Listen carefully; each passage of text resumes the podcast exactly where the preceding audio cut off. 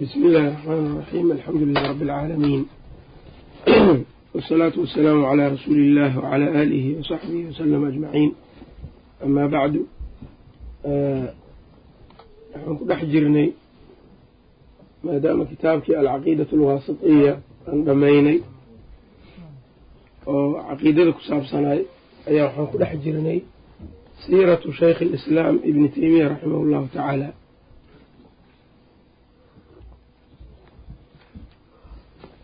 insha allahu tacaala maanta iyadaan dhammaynaynaa kadib haddii waqti uu noo soo haro duruustii buluuqulmaraamka ayaan ku dari doonaa. Haddii waqti uusan soo harinna insha allahu tacaala usbuuca dambe ayay noqon doontaa insha allah waxaan ka soo baxnay kutubtii uu alifay sheekha raximah llahu tacaala oo musanafaadka sheekha way badnaayeen iyadaan wax badan ku soo jirnay. Maanta insha allahu tacaala saddex baab oo siiradiisa ku saabsanaan ka hadli doonaa.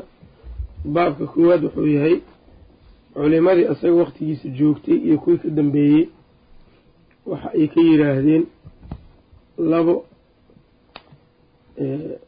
jihaadkii uu soo galay sheekha raximahu llahu tacaala ee uu la galay ama gaalada kuwii uu la galay ama kuwii uu munaadaraadkii iyo yacnii doodihii uu la yeeshay dadkii kale ahlu falsafada ahaa ee caqiidada ka dhunsanaa iyo baabka ugu dambeeya oo ah sheekha sida uu ugu safray mixnadihii uu soo maray ilaa markii dambe uu xabsi ku dhintay iyo dhimashadiisa insha allahu tacaala.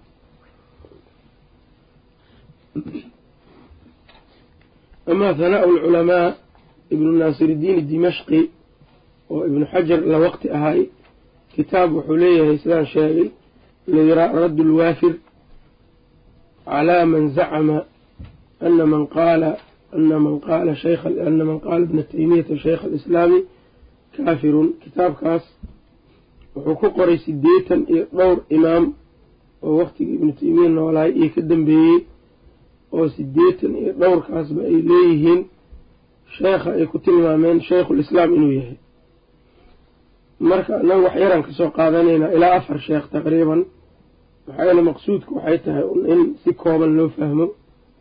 Qaala ibnu sayid innaas ibnu sayid innaas abulfatxi alyacmuri ayaa la yihaha toddoba boqol soddon iyo afartii buu dhintay.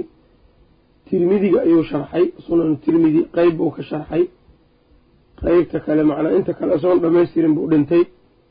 Waa kitaab aada loo ictimaado siirana waa leeyahay siirada nebiga sala allahu aleyh ali wasalam waxbuu ka alifay ibnu sayid innaas sheekhaas marka waxa uu yidhi mar uu u tarjumayey abulxajaaj almizi ibnu kathiir sheekhan tafsiirka iskale sheekhiisa abulxajaaj oo ibnu teymiyana ay saaxiib ahaayeen ayuu ka sheekeynayay markaasu wuxuu yidhi abulxajaaj huwa aladii xadaanii calaa ru'yati shaykhi alimaam shaykhi alislaam taqi diin. Waa ninkii iigu deeqay buu yidhi oo ibaray shaykhulislaam ibnu teymiya abulxajaaj baa ibaray buu yidhi. Marka ibnu teymiya ayuu marka waxoogaa yar ka faalloonaya wuxuu leeyahay axmed ibnu cabdilxaliim ibni cabdisalaam ibni teymiya fa alfaytuhu waxaan arkay ninkaas oon helay miman adraka min alculuumi xadan culuumta inuu qeyb weyn ka qaatay wa kaada an yastawciba asunana waalaathaar sunnada nebiga iyo aathaarta saxaabada inuu xifdiyo ayuu ku dhowaadayba dhammaanteed macnaha xadiidka rasuulka o dhan aathaarta saxaabada laga werinayo dhan waa ku dhowaaday inuu xifdiyo.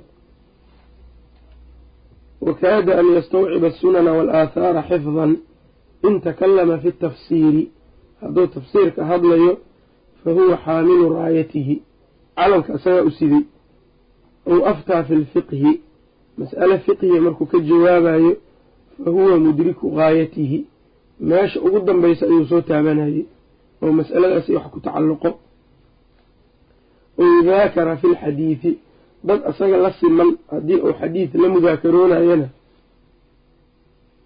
ou daakara fi lxadiidi fa huwa saaxibu cilmihi wa dawuu riwaayatihi. Haddii uu xadiid mudaakaroonayana waa nin riwaayadiisa iyo xadiidka sida loo wariyey iyo cilmigiisa yaqaano ou xaadara bilmilali waannixal haddii uu ka hadlayo caqaa'idka iyo diinaha markuu ka sheekaynayana lam yura awsaca min nixlatihi fii dalika qof kaga aqoon badnaay lama arko oo sheekha kutub badan buu alifo kutubtiisa waxaa ka mid a kutub uu uga hadlaayo nasaarada uu ku radinayo aljawaabu saxiix liman bedela diina almasiix layidhaha oo ilaa lix mujalad ah oo uu uga hadlaayo nasaarada iyo firaqdeeda uu la munaadarooyo ayaka. Uu uga adkaaday dooda. Wuxuu leeyahay marka sheekha sidoo kale firaqda yahuudda iyo marka uu ka sheekeynayo iyo ictiqaadaadkooda iyo acyaadooda markuu ka sheekeynayo xataa sida uu u yaqaano meelahay ka soo bilowdeen iyo siday u soo bilowdeen iyo ayaga ayuu xataa ka badiyey. Lam yura awsaca min nixlatihi fi dalika walaa arfaca min diraayatihi baraza fii kulli fannin calaa abnaa'i jinsihi. Fanni walba dadkiisiibuu ka badiyey. Oo yacnii fanniga luqada dadki ku takhasusay baa ka badiyey. Fanniga tafsiirka kadalika fanniga fiqiga kadalika yani wuxuu ahaa nin dhowr culum yaqaanay buu ahaa. Saas darteed markii asaga iyo abulxayaan alandalusi ay murmeen mas'ale luqadda carabiga ku saabsanoo oo naxwo ah ayay ka murmeen sheekha adiladiisii buu keenay marka gabayadii hore carabta ayuu soo deliishaday. Luqadan sidaan ma ahan buu yidhi mas'aladan waa sidaan. Abulxayaan dadka looga dambeeyo waa luqadda carabiga. Markaasu wuxuu yidhi markii laga xujo badiyey ayuu wuxuu yidhi laakina siibaweyhi laa yaquulu dalika siibaweyhi oo caalimu naxwi ah sidaan aada leedahay ma oranayo isaga markaasuu yidhi sheekh siibaweyhi ma ahan nebiyu naxw nebi alla soo diray oo naxwada loo soo diray ma ahan buu yidhi. Adiladii waa kuu sheegay buu yidhi carabta. Luqadii siday ahayd baan kuu sheegay. Idan marka ma ahan siibaweyhi nebiyu luqa. Luqadda carabiga nebi loo soo bixiyey ma aha bal waxa uu yidhi akhطa'a siibaweyhi hamaaniina mas'alatan. Siibaweyhi sideed masalo sideetan mas'alo ayuu fi lqur'aani ku gafay buu yidhi sideetan mas'alo oo icraab alqur'aan buu gafay buu yidhi laa tacrifuhaa anta walaa huwa. Adiga iyo asagaba ma aydnan aqoonin buu dhahay. Ninkii marka meeshaas buu ku ifxaamiyey. Luqadiisana saasay ahayd sheekha. Nacam marka ibnu sayidinaas waxa uu leeyahay qolo walbaa fanniga ay taqaana waa uga dheereeyey walam tara caynuhu man ra'aahu walam tara caynuhu mithlahu. Indhihiisa isagoo kale ma aynan arkin walaa ra'aa man ra'aahu mithlahu qofkii arkayna isagoo kale ma uunan arkin. Wa kaana yatakalamu fi tafsiiri tafsiirka ayuu ka hadli jiray fayaxduru majlisahu aljamu alghafiir. Majliskiisa dad badan baa imaan jiray wayariduuna min baxrihi alcadb. Baddiisa macaan ayay ka cabi jireen marka. Dad waaweyn oo ahlu cilmiga ayaa tafsiirka ka faa'iideysan jiray.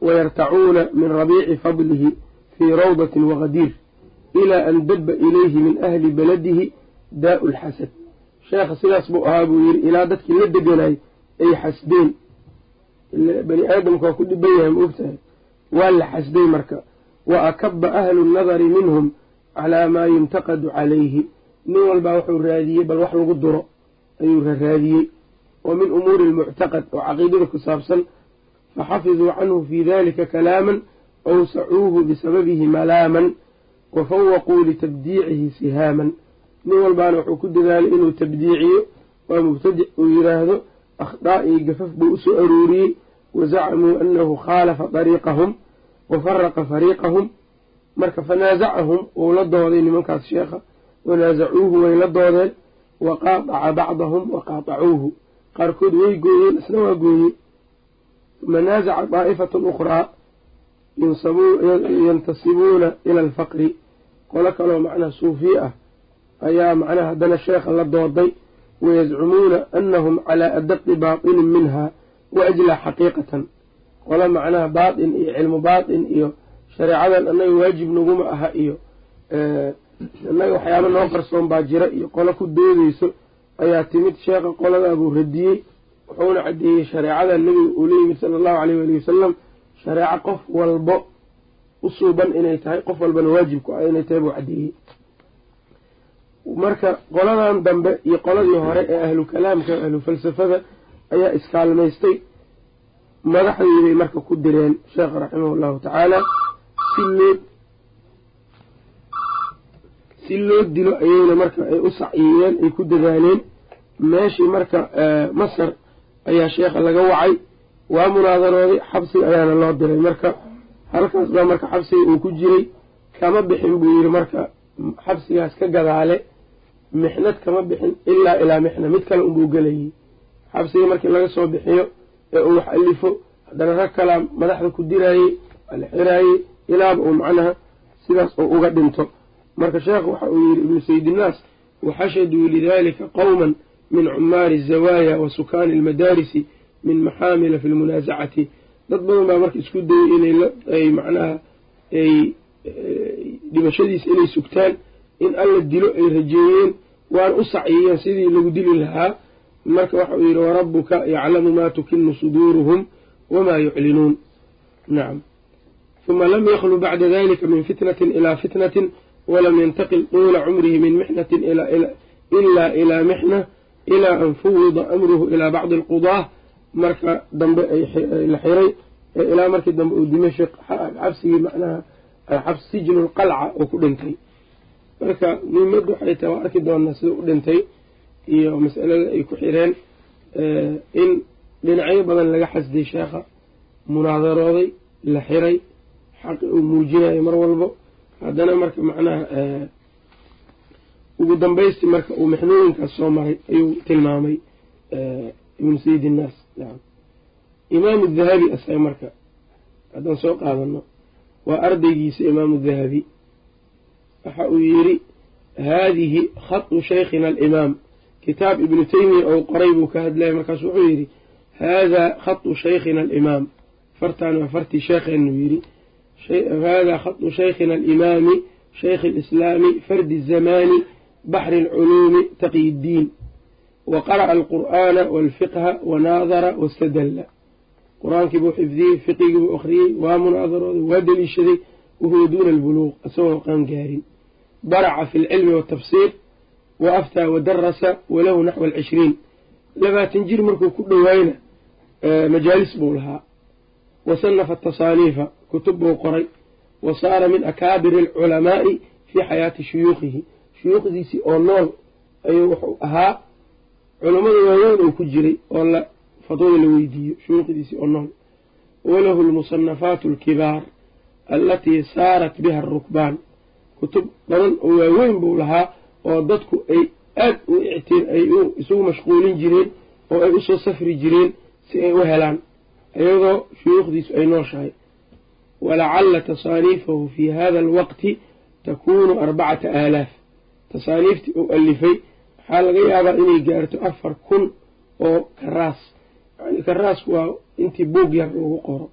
Nacam wa fasara kitaab allahi qur'aankuu fasiri jiray muddata siniina dhowr sano min suduurihi fii ayaami aljumc jumco kastaa buu fasiri jiray wa kaana yatawaqadu dakaa'an wa samaacaatuhu min alxadiidi kathiira xadiidka maqlidda uu maqlayna way fara badnayd shuyuukhdiisana ilaa laba boqol bay gaarayeen wa macrifatuhu bitafsiiri ilayha almuntahaa aqoonta uu tafsiirka u lahaa way darnayd wa xifduhu lilxadiidi wa rijaaluhu wa rijaalihi wa sixatihi wa suqmihi xadiidka saxiixnimadiisa daciifkiisa rijaashiisa laguma gaari jirin fiqhiga madaahibta saxaabada marka masalo la isku khilaafo aqwaasha saxaabada kor ayuu ka sheegi jiray taabiciinta sidoo kale afarta madhab iskaba dhaafba falaysa lahu fiihi nadiirun wa amaa macrifatuhu bilmilali wannixal iskaba dhaafba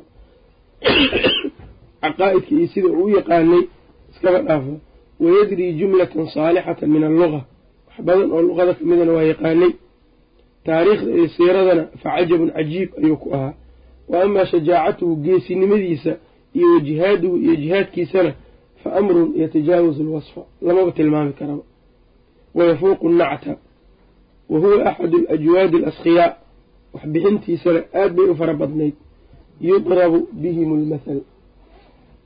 Isaga waa loo soo geesinimadiisa waa lagu tusaale qaadan jiray. Nacam waxaa kaloo uu yidhi walahu baacun dawiilun fii macrifati madaahib asaxaabati waataabiciin waqalla an yatakalama fii mas'alatin. Sheekha waxaa yaray inuu mas'ale ka hadlo ilaa waa sheegi jiray aqwaasha ku jirta oo dhan qur'aanka iyo sunnada ayuu u daliishan jiray. Nacam markii lagu xiray iskandariya markii lagu xiray xabsul iskandariya sababta keentayna iskandariya in la geeyo xabsigeeda wuxuu ahaa sheekha markii hore qaahira lagu xiray. Xabsigii markii la geeyey ayuu wuxuu arkay dadkii xabsiga ku jiray oo iska ciyaarayu arkay oo jar iyo ciyaaraya shataranji baashaan jeska iyo waxaas ciyaarayay. Nacam markuu arkay sheekha salaadii marka aysan tukanaynin dadkiibuu waaniyey uu u sheegay meeshiibuu marka wuxuu ka bilaabay dersi ka bilaabay. Nacam dersi tafsiir buu meesha ka bilaabay. Dadkii xabsigii culumay marka ku noqdeen meesha. Aad bay marka waxay ugu noqdeen macnaha dad waa isbedeleen akhlaaqdoodii baa isbedeshay cilmigoodii baa isbedelay waktigoodii marka u dhammaaday waaba dhibsadeenba in xabsiga laga bixiyo. Xabsiga inuu joogo iska jeclaadeen. Marka waxay yidhaahdeen dadkii suufiyada ahaa ee markii hore ku diray madaxda ninkan dadkii xabsiga ku jiray buu fasaadiyey. Nacam dadkii xabsiga ku jiray buu fasaadiyey saas daraaddeed bal waxay yidhaahdeen ha laga bedelo xabsigan meel keligiis ha lagu xiro. Markaaba iskandariya loo raray sheekh raximah llahu tacaala. Marka xabsigaa markuu ku jiray ayaa nin andalus oo uga soo safray meel sabta la yiraa magaalo sabta la yiraa oo hadda isbayn ku taallo ayaa nin uga soo safray si bal u ijaazeeyo axaadiid sheekha uu wariyey bisanad uu ku wariyey si uu uga qaato. Sheekha marka dabcan xabsibuu ku jiraa kutubtiisi ma haysto axaadiidtii oo dhan kor buu uga yeeriyey. Nacam marka dadkii zamankiisi joogay xifdigiisi aad bay ula yaabeen marka. Nacam kanna waa qowlkii marka imaam الذهبي رحمه llahu تعالى uma abulfatxi ibnu ابن دقيق ibnu ابن دقيق waa ninka iskale أحكام الأحكام oo cumdaha شharxay cumdataxkaamka uu sharxay sidoo kale wuxuu leeyay aliqtiraax waa nin macnaha mujtahid lagu tilmaamay. Waxay isku arkeen sanadku markuu toddoba boqol iyo labadii ahaa qaahiray isku arkeen isaga iyo ibnu teymiya markaas wuxuu ka yidhi maa kuntu actaqidu ana allaha yabqaa yakhluqu midlaka ma aanan malaynaynin buu yidhi inuu alla abuurayo adigoo kale. Nacam dadkaaga adigoo kale adduunyada inay ka dhammaadeen baan u haystay buu yidhi. Nacam sababta uu u yidhina waxay ahayd waa markii uu dimashik ka soo tegey tataartii nimankii mongolianiska ee ku soo duulay dimashik wax iska celin karay markaas aysan jirin.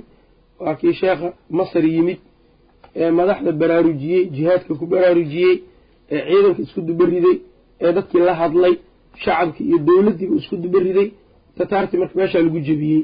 Marka taqiyudiin ibnu daqiiq ilciid aad buu ula yaabay ninkan kartidiisa iyo culumta uu yaqaan iyo sida uu islaamka ugu dadaalayay nacam marka saa darteed buu u yidhi actaqidu maa kuntu actaqidu ana allaha yabqaa yakhluqu midlaka abulxajaaji ilmizi isaga sheekha ibnu kathiir nacam saaxiibkiis buu ahaa. Waxa uu yidhi maa ra'aytu midlahu walaa ra'aa huwa midla nafsihi. Isagoo kale ma arkin buu yidhi. Isagana isagoo kale isma arkin wamaa ra'aytu axada aclama bikitaabi illahi wa sunnati rasuulihi sala allahu alayh wali wasalam walaa atbaca lahumaa minhu ma aanan arkin qof qur'aanka ka aqoon og sunnada ka aqoon og isla markaana kana raacid og ma arkin buu yidhi abulxajaaj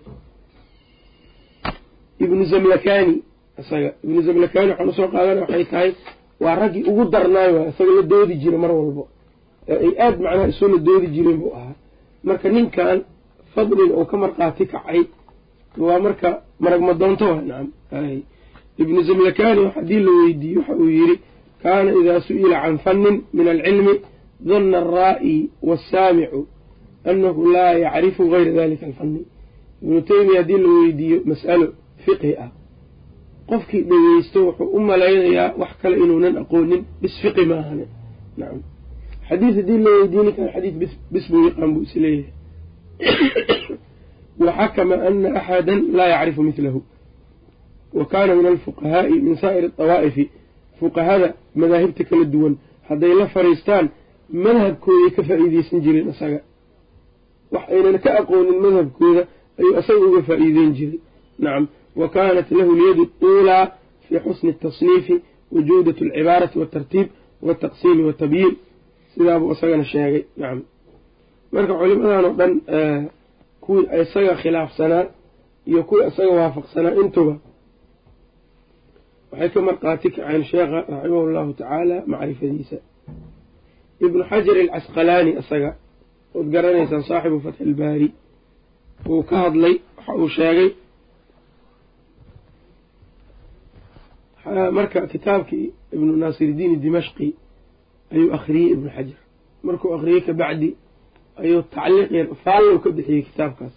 Waa ammaanay marka markaasu wuxuu yidhi washuhratu imaamati washuhratu imaamati sheekh taqiydiin ashharu min ashamsi taqiydiin ibnu teymiya imaamnimadiisu qoraxda waa ka caddahay buu yidhi. Nacam ibnu xajar baa oranaya wa talqiibuhu bishaykhi alislaami in lagu naanaysana waktigii uu joogay in shaykhulislaam lagu naanaysay waa soconaysaa buu yidhi ila alaan ilaa hadda way socotaa cala alalsinati azakiyati wayastamiru gadan kamaa kaana bilamsi berrina waa socon doontaa buu yidhi sidaan unba taitalkan shaykhulislaam waa sida u qaatay buu yidhi walow lam yakun min addaliili calaa imaamati hada arajuli ilaa maa nabaha caleyhi alxaafidu shahiir calaamuddiin albarzali fii taariikhihi waa ku filan aan lahayd wuxuu leeyahay ninkan imaamnimadiisa keliya wix uu albarzali uu ka yidhi keliya ku filan waa maxay taas markuu dhintay ibnu teymiya dadkii dimashik joogay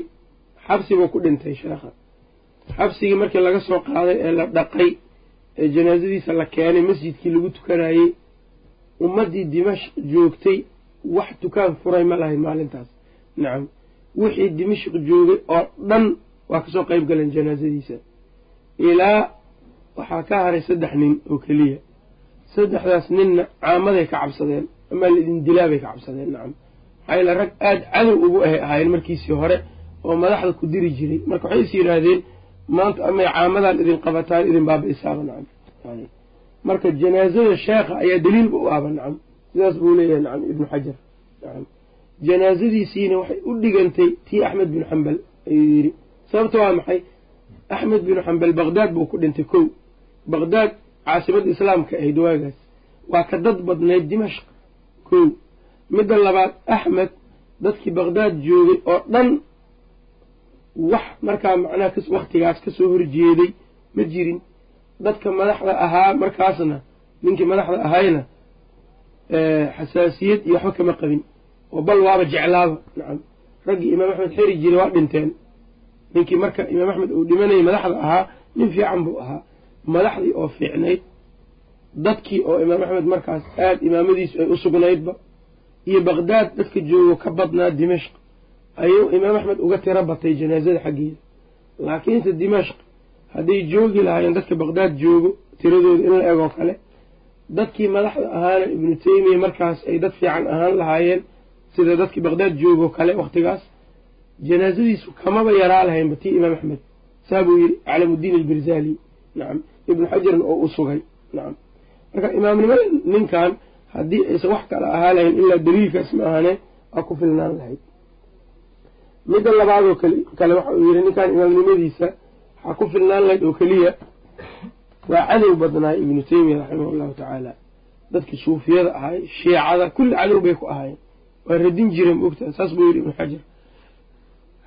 Hadday heli lahaayeen marka wax ay u daliishadaan ibnu teymiya gaalnimadiisa oo cad bannaankay soo dhigi lahaayeen ila ninku hadduu cadow badan yahay ninka haddii uu cadow badan yahay ee khalad lagu helo bannaankaa la keenaya mar walba. Nacam marka maadaama gaalnimadiisu ay bannaanka keeni waayeen uuna cadow badnaay maxay daliil u tahay inuu imaam weyn oo ahaa? Maadada saddexaad maxay tahay? Haddii ibnu teymiya cid kale wax kaleba uusa qaba lahayn ilaa ardaygiisa ibnulqayim ee uu soo saaray ma ahane ibnu xajar wuxuu ku filnaan lahayd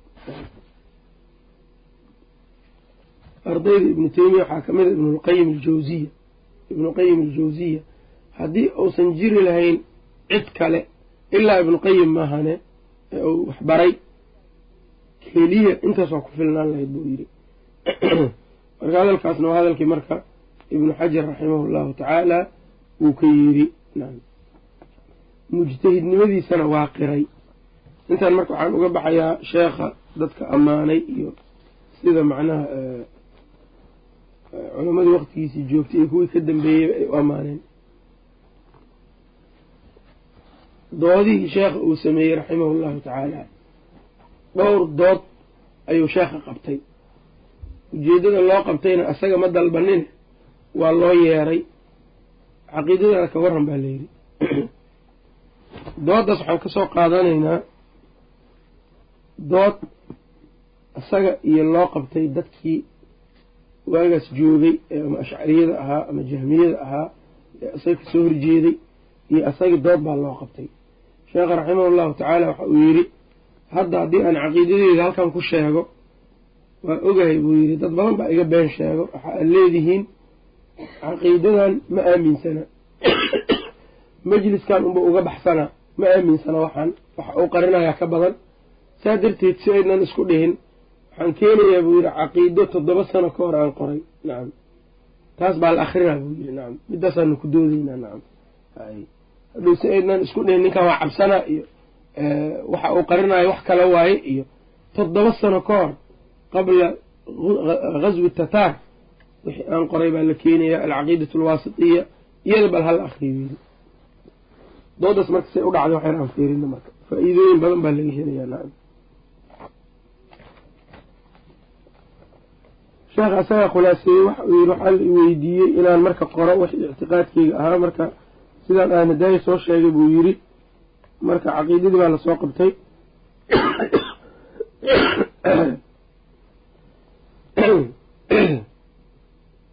Wa qultu waxaan idhi buu yidhi qabla xuduurihaa inta aan la keenin. Caqiidadii baa la doonay marka waa lagu maqan yahay ma ogtahay boqorkiina waa joogaa markaas haystay meesha kalaam aada u daran baan idhi buu yidhi waana carooday caro aada u daran oo aanan hadda xasuusanin wixii aan idhi waxaa ka mid ah laakiin waxaan idhi ana aclamu ana aqwaaman kadabuu calaya. Dad badan baa aan ogahay inay igu been abuurteen. Suldaankiina waxaan ku idhi waxay ku yidhaahdeen waxyaaba badan. Suldaankii bay wax been u sheegeen.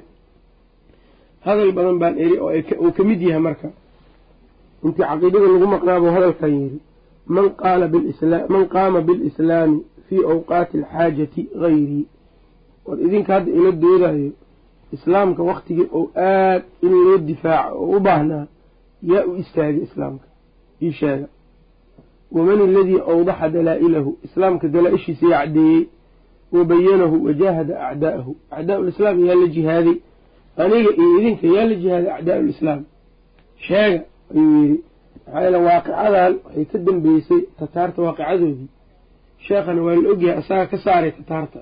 Dhulkan shaam isaga ka bixiyey. Maxaa yeele dowr weyn buu ka cayaaray sababtoo madaxdii iyo dadkiibuu isku xiray. Madaxdiiba u qayla dhaamiyey jihaadkuu ku waaniyey shacabkiiba u sheegay. Jihaadka inuu macnaha anfacayo caqiidadoodu inay saxaan buu amray. Dadkii iyo shacabkii markuu isku dubariday tataartii markuu jebiyey kabacdi haddana niman meel buur ah isku aruursaday oo shufto ahaay oo shiico ahaa oo gaalada marka soo dhoweyn jiray oo cawraadka muslimiinta tutusi jiray oo dhihi jiray inta ka soo gala iyo meelahani wax u yaalaan iyo dhihi jiray ayuu amray haddana in lagu duulo nimankaas. Nimankii oo la bixi waayey baa lagu duulay sheekh intaas baa ka qeyb qaadanayay. Jihaadka caadiba u gelayo hubkiisuu watay. Nacam marka wuxuu yidhi islaamkii u soo gargaaray buu yidhi. Maxaale mowqifkan inuu sheego dantaa ku khasabtay sheekha nacam maxaa yeele rag baa macnaha waa waxay leeyihiin ninkan waa zandaqa iyo wax ku tuuraayo moogtahay iyo iyo caqiide xumo iyo u nisbayn war haddaan caqiide xumaha aniga. Limaada aan islaamka saan ugu dadaalaya buu leeyahy nacam. Idinkaanse hadda oranayo boqorka wax u sheeg sheegayo xaggee baad jirteen buu leeyahy waktigaas nacam. Ayna antum nacam? Sidaas baan ku iri buu yidhi qof ii jawaabay waa ma jirin buu yidhi o aamusan kulligood nacam marka waxau yidhi fa idaa kaana haa-ulaai yadmacuuna fi lkalaami fiya hadday dadkaan marka aniga si xun iiga hadlayaan buu yidhi fa kayfa yasnacuuna bigayrii anigii hadday si xun iiga hadlayaan heyrkii maxaad u malaynaysaa? buu yidhi. Maxay ku samaynayaan dadka kalena? Walow ana yahuudiyan dalaba min asulطaani alinsaafa lawajaba calayhi an yunsifahu ninka boqorkaa hadduu nin yahuudi ah insaaf garsoor oo weydiiyo boqorkii buu kuleeyahy nin yahuudi ah haddii uu ku yidhahdo war xaqaygi isii war dadkan iiga gar qaad haddii uu ku yidhaahdo waajib waxaa ah inaad gartiisa siisid oo aada u gar qaadid waxaad u malaynay aniga oo muslim ah buu leeyahy nacam. Dadkan in iiga gar qaado weeyaan buu leeyahy nacam. Hadal badan baan iri buu yidhi oonan hadda xasuusanin intaas aan ka xusuusto. Marka waxaa la keenay caqiidadii baa la keenay. Marka waxa uu yidhi caqiidada sababtuu ku alifay buu sheegay. Waxa uu yidhi waxaa ii yimid buu yidhi haadihi kaanat sababu kitaabatihaa annahu qadima min ardi waasit dhulka waasit ee ciraaq ku yaal waxaa ka soo galay. Waxaa igaga yimid bacdu qudaati nawaaxiihaa dadkii ka telinayay meeshaas qaar ka mid ah. Shaykhun yuqaalu lahu radiyuddiin alwaasiti ayaa ii yimid. Qadima calaynaa xaajan. Waana soo mara isagoo xajinayo. Wa kaana min ahli wa kaana min ahli alkhayri waaddiin wa shakaama annaasu fiihi bitilka albilaadi fii dowlati tatar min galabati aljahli waaldulmi wa duruusi addiini waalcilmi waxa uu yidhi dhulkii tataar baa qabsatay oo u adkaatay. Diintii waa ka baaba'day. Dadkii aqoontii diinta ay u lahaayeen waa yaraatay. Wa sa'alanii wuxuu i weydiiyey an aktuba caqiidatan takuunu cumdatan lahu. Caqiide qor buu yidhi. Cumdo ii noqoto iyo lafdhabar oon cuskado. Waliahli beytihi iyo dadka markaa qoyskiisa. Fastaxfaytu min daalika. Iska keydaa baan iri wa qultu qad kataba annaasu caqaa'ida mutacadida fakhud bacda caqaa'idi a'imati asunna caqiidadu waa fara badanta dad badan baa wax ka qoray mid culummada waxay qortay qaade ee iska buu yidhi hadda aniga fa alaxa fi su'aali waa igu bediyey su'aasha waxa uuna yidhi maa uxibu ilaa caqiidatan taktubuhaa anta caqiida adiga aada qortaan rabaa buu yidhi oon jecelahay fakatabtu lahu hadihi alcaqiida caqiidadan baan aan qoray buu yidhi idin hortaal midii aan akrinay waa alcaqiidatu alwaasitiya wa ana qaacidun bacda alcasri. Anigoo casirka markii la tukaday kabacdi fadhiya ayaan qoray buu yidhi. Waqad intasharat bihaa nusakun kathiira fii misr waalciraaq nusakh badan baa waxay ku faaftay ciraaq iyo masrba fa ashaara alamiiru bian laa aqra'ahaa ana lidafci riibati. Amiirkii marka dooda joogay waxa uu yidhi adiga ha akrinine ninbuu u dhiibay marka asaga ka socday. Adiga akri buu yidhi ninkaa kale u dhiibay. Sababtu waa maxay haddii kale waxay leeyihiin waxaan meesha ku qornayn buu akrinayaa ninkan mogtahay nacam adiga ha akrinin baa layidhi ninkaan ha akriyo nacam lianna amiirku waa nin caami ah wuu garanaa wixii xaq ah maogtahay fidradiis waa saliim. Nin falsafo iyo balaayo galay ma aha. Nacam fiiri marka. Wa acdaaha likaatibihi karaanigiisa u dhiibay kamaaludiin la dhihi jiray. Kamaaludiin.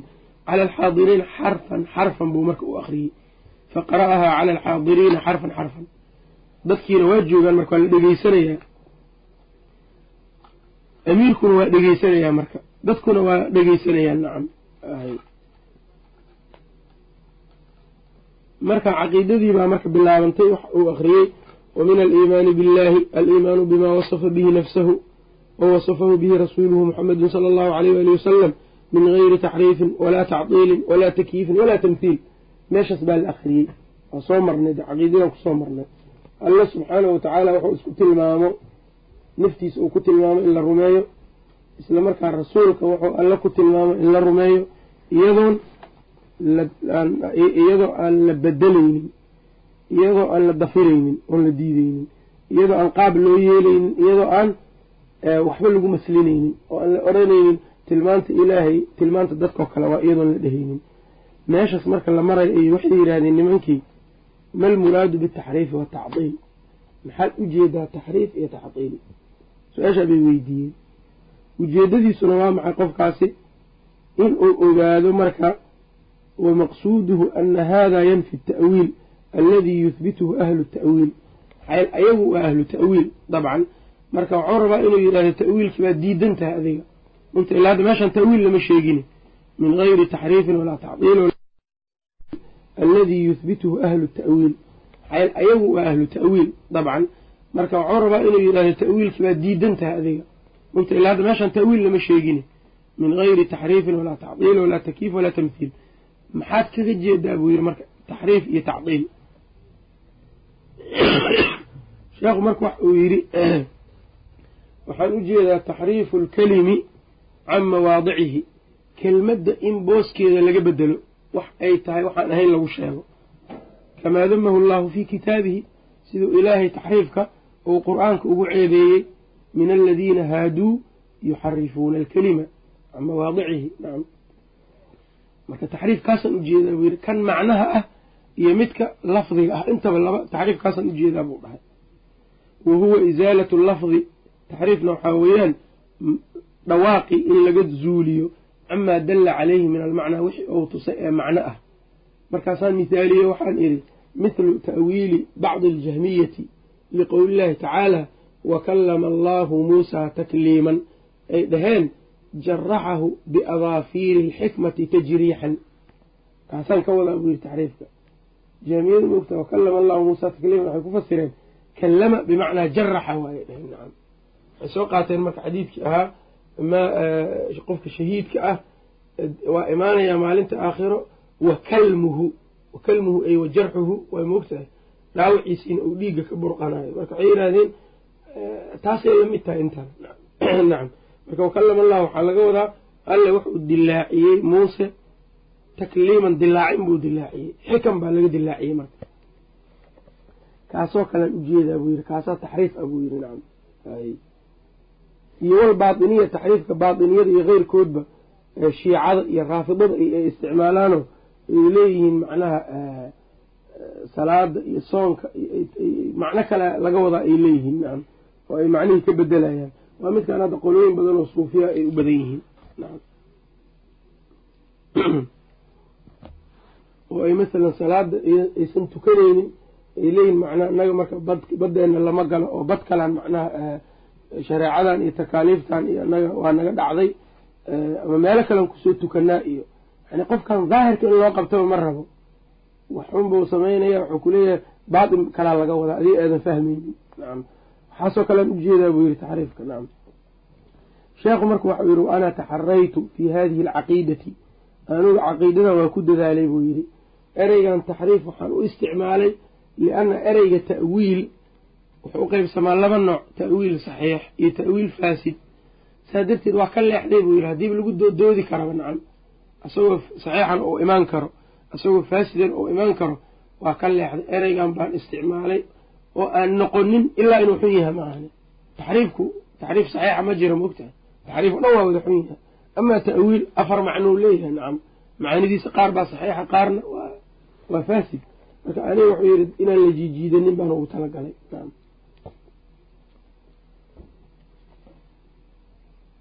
hahy waxaa kaloo sheegay buu yidhi walaa takyiifin walaa tamthiil. Sababta waxay tahay ilaahay tamthiilka ayuu iska anfiyey oo waxa uu yidhi laysa ka mithlihi shay wahuwa samiic albasiir qur'aankay ku jirtaa.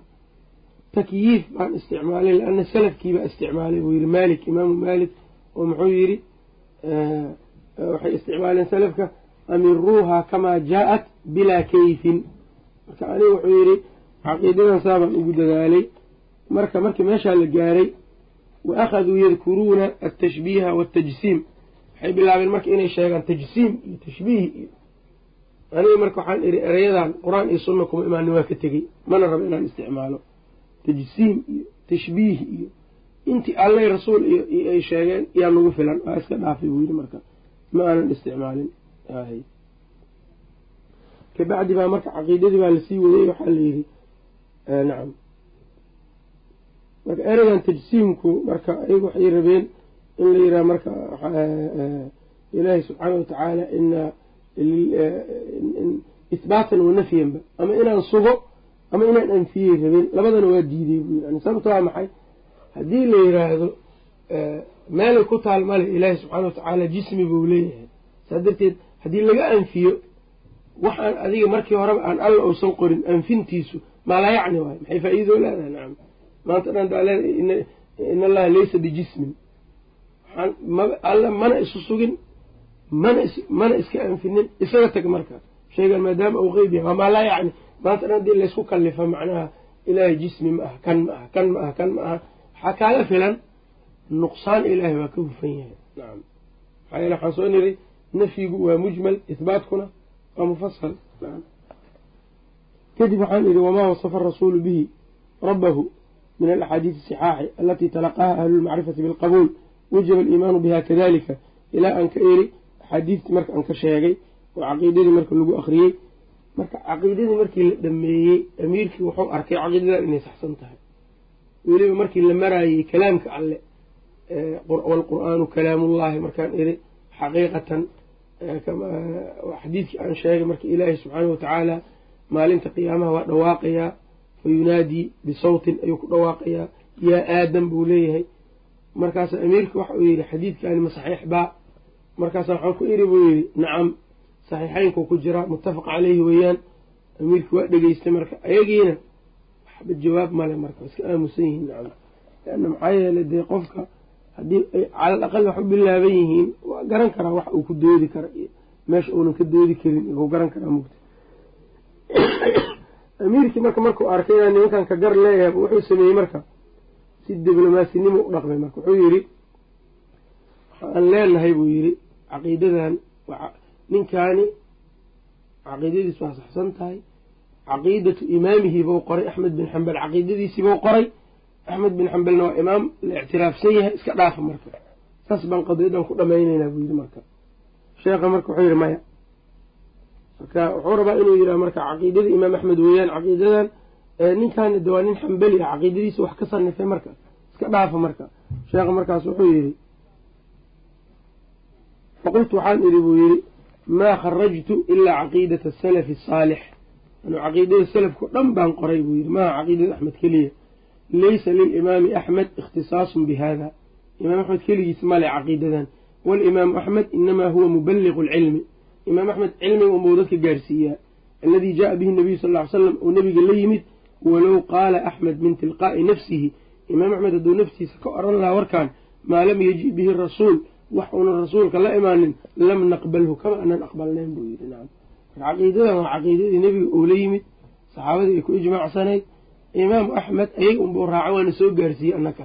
Haddii imaam axmed min tilqaa'i nafsihi uu ka oran lahaana ma anan uu nebiga khilaafo kuma raaci lahayn buu yidhi.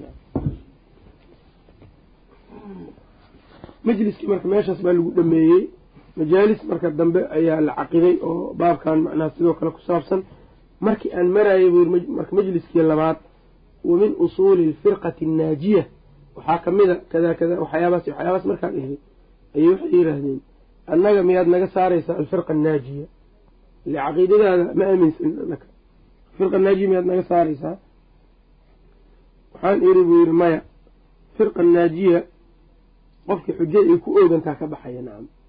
Qofka haddii jaahil uu yahay oo caqiidada ay ka wareerto muslim uu yahay ka saari maynuu yidhi firqa naajiya maadada labaad waxay tahay hadduu mujtahid yahay tu asaga dadaalay nusuusta fiiriyey sidaan xaq ay la noqotay hawo iyo waxyaabahaas o dhan uu ka maran yahay asaga laftirkiisa ku xadgudbi mayno oo rabbanaa laa tu-aakhidana in nasiinaa o akhda'naa wa nacam haddii laakiin hawo ay jirto waa ka baxaya qofka nacam sidaas baan iri buu yiri nacam waxaa kale ila dhaceen buu yiri mas'alada ah macnaha sida aan u xalliyey mas'alatu lqadar maraatibti iyo aan yeelay nimankii meesha fadhiya ka faa'iideysteen buu yiri sidoo kale markii aan ru'yada alle in la arkaayo qiyaamaha marka aan caqiidada ku qoray waxa ay yidhaahdeen aan sheegay in allah subxaana wa tacaala la arkayo sida dayaxa loo arkaayo kale waxaan caddeeyey buu yidhi marka la mid maaha tashbiihu lqamar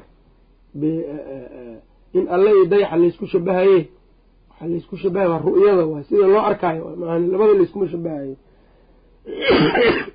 iyo sidoo kale sida aan u jamciyey buu yidhi ilaahay subxaana wa tacaala inuu kor jiro isla markaana mararka qaar addoonkiisa oo u soo dhowaanayo markaan jamciyey iyo adilada maciyada ina allaha maca almu'miniina iyo inanii macakumaa iyo in aysan maciyadu keenaynin labada qof inay fulaan maca fulaan marka la leeyahay inay isla jireenna waa suuragal inay kala dheeraayeen waa suuragal midkood mid kale u ka dheeraa yani waxaan ku soo tafsiilina caqiidadan umalayna waa la fahamsan yahay nacam meeshaasna waxa uu yidhi way garteen buu yidhi nacam aada bay ayaa marka u dhegeysteen halkaa marka markay ku dhammaatay majliskaas ayaa majlis saddexaad la caqiday oo lagu gebagabeeyey meeshaas. Sheekhuna marka la arkay in caqiidadiisu marka ay ay caqiido saxiixa ay tahay amiirkuna ou arkay amiirkiina markaas kabacdi wuu u gargaari jiray sheekha raximah llahu tacaala. Marka doodan dood saa bay ahayd macnaha waxaa kaloo jirta sidoo kale munaadaro kale taa marka intaas aan uga baxno sheekha iyo sadruddiin ibnulmuraxal dhex martay. Nacam taasina waxay ku saabsaneyd mas'alatu liimaan sheekha waxa uu yidhi shukriga.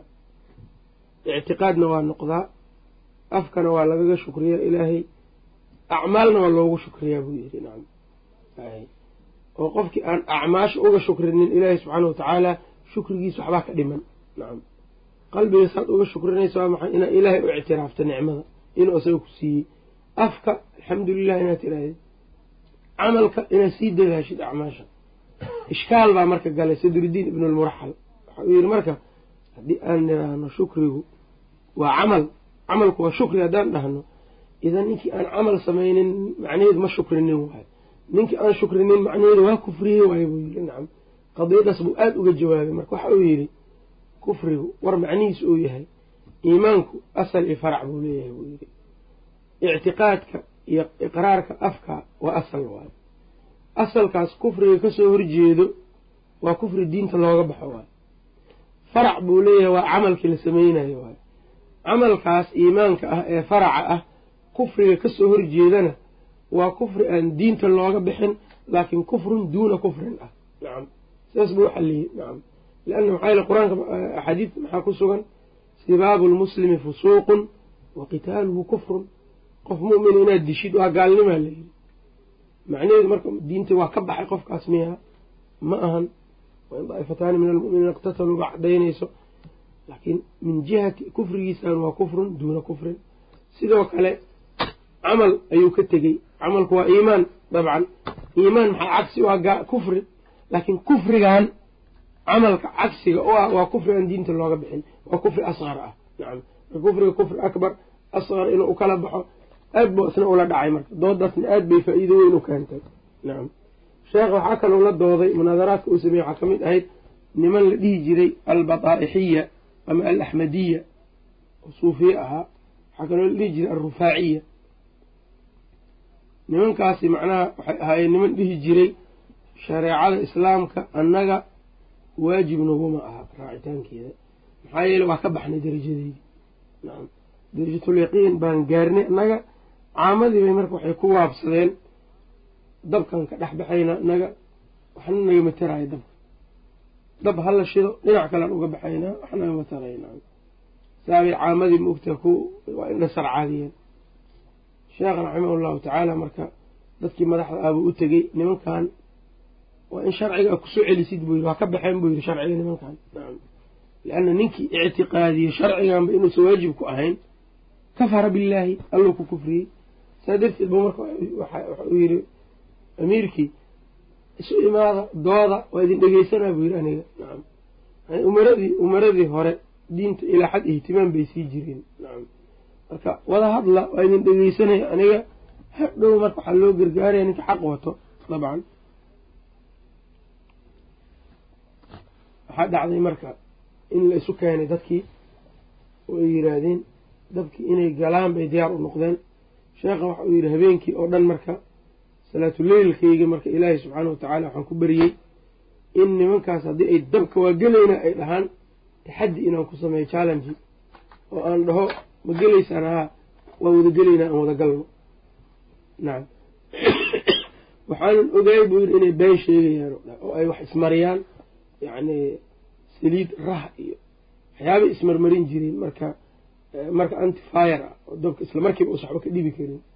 Fire proof ah marka nacam marka xag kale saas uga baxayaan mugta iska beenbeen waa waxoodi nimanka marka waa garanaya buu yidhi aniga laakiin waxaan idhi haddii aada gashaan waa idinla gelaya anigana bal inaad run sheegaysaan aan aragnay. Taas baan go'aan ku gaaray buu yidhi waxaanan ictiqaadiyey in aan matalayo aniga booskii nabiyullahi ibraahim nacam maxaa shareecada allaan u doodayaa buu yidhi nacam oo alle inuu dabkaas biyo igaga dhigayaan ictiqaadiyey buu yidhi nacam sida ibraahimba oo uga dhigay markii uu shareecada tawxiidka uu ku doodayey ayagana inay macnaa ku halaagsamayaan baan ictiqaadiyey ilaahay baan saas ka bariyey meesha baan nimid buu yidhi nacam munaadaradii marka markay dhacday dadkii waxaan ku eri inta aydan dabka gelin gabgabtoodii bay bilaabeen marka. Nafiirsada dab baan gelaynaa bay dheheen suga buu yidhi biyo kulul iyo khal khal iyo biyo kulul aan ku mayrano ku qubaysano anaga idinka gelaynaa kabacdi dabka buu yidhi nimankii marka waa gadaal bay u laabteen xoogaa waa waxay yiraahdeen waa diideen marka dadkiina waa dhegeysanayaan marka. Cala al aqali marka waxau yidhi hadday haddaad baqaysaan buu yidhi fartaan keliya iska dhaqa farta dhaqa. Anigana fartaan dhaqanaya waa gashanaynaa dabka. Aa diideen marka taasna marka wuxuu yidhi nacam midkood baa marka si fiican u hadlay wuxuu yidhi annaga badeecadeennan rakiiska ah tataarta agtooda waa ka gadantaa buu yidhi nacam nimankan tataarta iska khuraafiye iyo nimanka khuraafiyiinta waa ka gadmay buu yidhi agteeda. Sheekha raximah llahu tacala markaas waxa uu yidhi sababtoo tataarta waa gaalo yidhi cala al aqal idinka waa ka rooneedeen markii hore. Saa darteed waa ka gadmaysa agtiina ay ogyihiin male nimankaa niman diin ka fog waay laakiin diinta xaqaa markay timaado ayna antum markaaba marka waxaa dhacday nimankii markay diideen inay galaan amiirkii marka maxaan ku sameynaa buu yidhi marka nimankan ayagaa marka maadaama ay baatilkoodi uu soo baxay dadkiina marka ay yidhaahdeen fawaqaca alxaqu wabatala maa kaanuu yacmaluun fagulibuu hunaalika wanqalabuu saakiriin dadkii saas dhahayaan maqlay buu yidhi sheekha maxaan ku sameynaa dadkan waxaan iri buu yidhi nimankan tooba u bandhig haddii ay toobad keenaan shareecada ku soo noqdaan falilahi alxamdu. Hadday ku soo noqon waayaan dadkan waa murtadiin in la dilo waay buu yidhi nacam shareecadu sidaa bay qabtaa. A toobad keeneen marka dadki nimankaasna dood noocaasa ayuu sheekha raximah llahu tacaala uu la yeeshay. Marka munaadaraadkiisu intaan waa ka tiro badnaayeen laakiin waxaad dareemaysaa in ay anwaac fara badanba ay ahaayeen. Sheekha raximah llahu tacaala qaar uu nasaarada uu la yeeshay qaar muslimiinta firaq kala duwan uu la dooday inta waa isugu jirtaa qaar shiicada uu la dooday weliba shiicada marka uu radinayo kitaabkan la yidhaha minhaaju sunna minhaaju sunna nabawiya aad iyo aad wax uu u sheegay marka xag nadar iyo xag caqli labadaba waa ka radiyey. Sheekh raximah llahu tacaala marka sidoo kale nacam munaadaraadkan marka intaasan uga gudbayaa nacam jihaadkii sheekha raximah llahu tacaala uu la galay nimankii tataarta ahaa. Taas baan ugu muhiimsan baabkan isagaa nacam.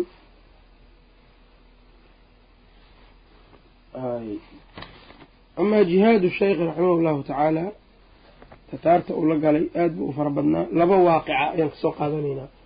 Waaqicatu khazaan iyo waaqicatu shaqxa waa laba waaqic oo siirada islaamka aad qiimo weyn ugu leh waay. Nacam sheekhana wuxuu ku qoray alcuquud duriya kitaabkiisan ayuu ku dhigay marka iyadoo mukhtasar ah kitaabka sheekh ayaan ibnu cabdilhaadi ayaan ka akrin doonaa insha allahu tacaala.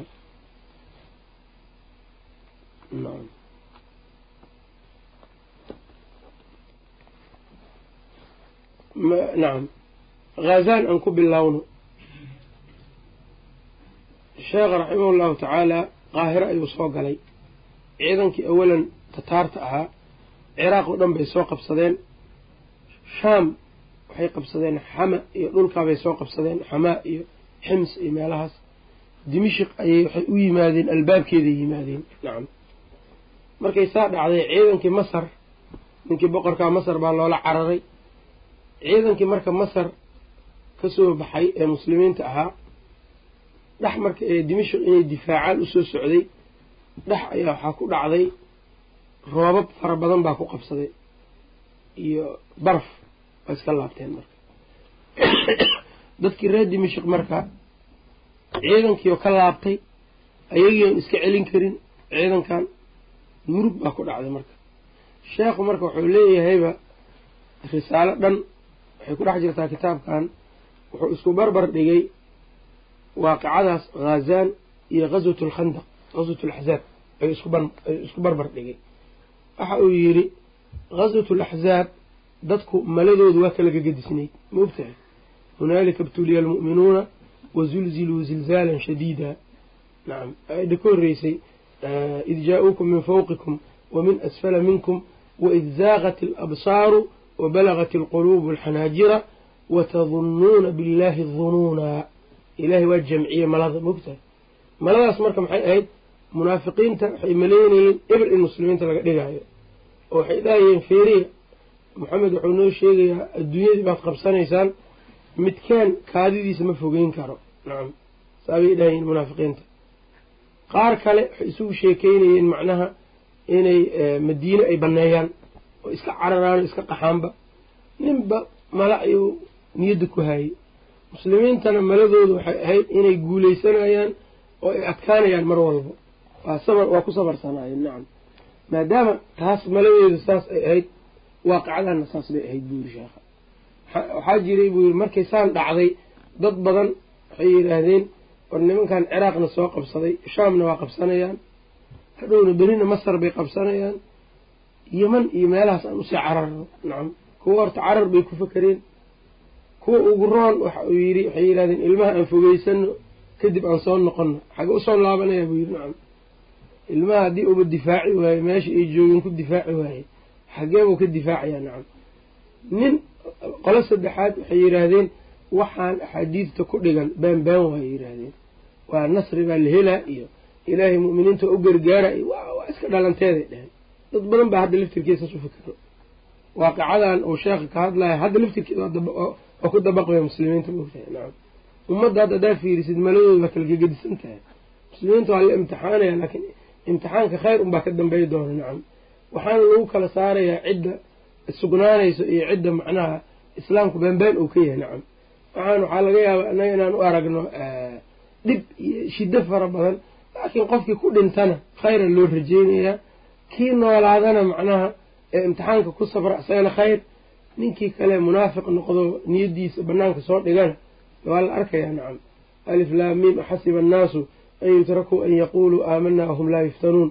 Walaqad fatana aladiina min qablihim falaa yaclamana allahu aladiina sadaquu walaa yaclamana alkaadibiin. Nacam. Marka dadka unbaa lagu kala saaraa arrimahan taa ugow nacam. Sheekha marka markay saas dhacday marka iyo qola afar ashanaadna maxay samaysay?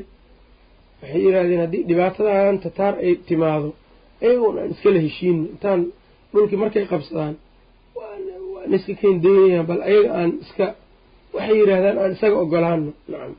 Intaas oo malaha waa jiraan hadda un ogow nacam. Hay qofka aada u fakero dabcan dadku dhan waaqac way la wada socdaan nacam. Hay ayaga aan iskala heshiino marka nimankii tataar ah sheekha marka raximah allahu tacaala wuxuu sameeyey dadkiina inay ictiqaadkooda saxaan buu amray. Kuwa kale marka waxay yeeli jireen aan qubuurta aadinay dheheen ahlu qubuurka aan wax weydiisano raggii saalixiinta ah aan dhahno noo gargaara nacam. Ninkii noolaay wax qabala nin dhintay muxuu qabanayaa nacam marka. Sheekhu marka raximahullah marka caqiidada dadka inay saxaan buu amray caqiidadu aada dadka uga saxaayey isla markaa waa baxay masar buu aaday ciidankiioo laabtay iyo isagaa isku waqti tegey. Markaaba wuxuu yidhi madaxdiibuu u galay jihaadkiibuu ku waaniyey marka iyo fadaa-isha uu leeyahay iyo mas'uuliyadda ummaddan ka saaran oo waxa uu yidhi macnaha war annaga shacabkiini baan nahay. Haddii aynan xaq aan xaqba anaan idinku lahayn ugu yaraan waxaan idinku leenahay in annagana difaacdaan wa in istansaruukum fi ddiini fa calaykum annasru. Aayaadkaas buu ku akriyey dadkii marka xoogaa hurdadii waa ka kaceen nacam oo niyaddoodiibuu kor u qaaday ilaa xaddin maa culummadii meesha joogta dhanna waa u tegey. Nacam arrintan wuxuu yidhi ha loo istaago. Dadkiina waa la hadlay sheekha majaalis badan buu qabtay. Dimishik buu ku soo laabtay haddana marka nacam. Xaggaasna dadkiibuu ka diyaariyey. Ciidankii xagga iyo xagga ka yimid marka tataarti waa jebiyeen nacam. Dadkii caqiidadoodii saxay. Diyaar u ah inay wax iska celiyaan dagaalamaan iyo dhinacii macnaha dowladdii oo ayadana u istaagtay inay dagaalanto tataartii marka waxaa ku dhacay haziima dib dambena uguma soo noqonin dhulka islaamka. Nacam ay dhulka islaamka dib dambe uguma soo noqonin. Ghaswatul khandaq bay marka shabahdaa dhinacaasna. Maxaa yeele markii ay dhammaatay maxay yidhaahdeen rasuulka sala allahu alayh ali wasalam waxaa laga wariyey mar dambe macnaha soo duuli maayaan annaga unbaa ku duulayno noocaas oo kale laga wariyey quraysh mar dambe kuma soo duulin madiina. Khandaq baa ugu dambeysay nacam. Inta kale ayaga unbaa weerarka uu ku socday oo lagu duulayay nacam. Tanna sidaas oo kale dhacday. Waxaa kaloo ka shabahdaa tataartii marka meeshii ay joogeen qabow iyo baraf baa ku qabsaday. Fardahoodi waa soo dhaqaaqi waayeen xataa.